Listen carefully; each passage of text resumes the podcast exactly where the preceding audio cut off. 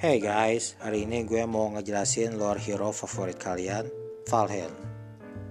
Jadi, Valhen sebelum dia dijuluki sebagai The Demon Hunter, dia itu adalah seorang petani. Hidupnya biasa aja, penampilan seadanya, dan pendapatannya kurang jauh dari memuaskan.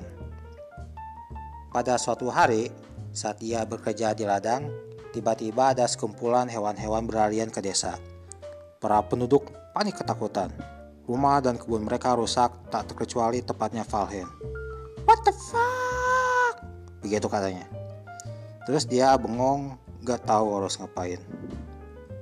Beberapa saat kemudian, seorang penunggang kuda datang menghampirinya. Selamat siang. Apakah benar ada Tuan Valheim? Lalu dia jawab dengan nada sedih.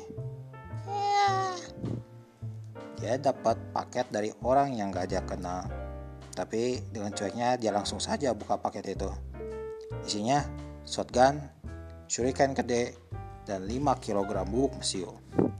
Eh, buat apaan ini, Cong? Emosi dia. Kemudian, dia melihat ke arah hutan tempat asal hewan-hewan itu berdatangan. Valheim melengkapi diri dengan senjata lengkap dan bergegas pergi ke hutan itu untuk mencari tahu apa penyebabnya. Di tengah-tengah hutan, Valheim ketemu sekumpulan orang-orang berjubah hitam. Mukanya nggak kelihatan sama sekali. Dia mengamati itu saja dari kejauhan. Alamak, ini perkumpulan orang-orang sesat. Orang-orang berjubah itu melakukan ritual pemanggilan iblis. Dan ngerinya, proses itu hampir selesai. Valheim merinding melihat iblis yang seperti orang mau operasi plastik. Oh tidak, aku harus menghentikan mereka. Dengan gagah berani, dia melemparkan kantung bubuk mesio 5 kilo tepat di tengah-tengah lingkaran ritual. Valheim mundur perlahan dan mengeluarkan shotgun miliknya.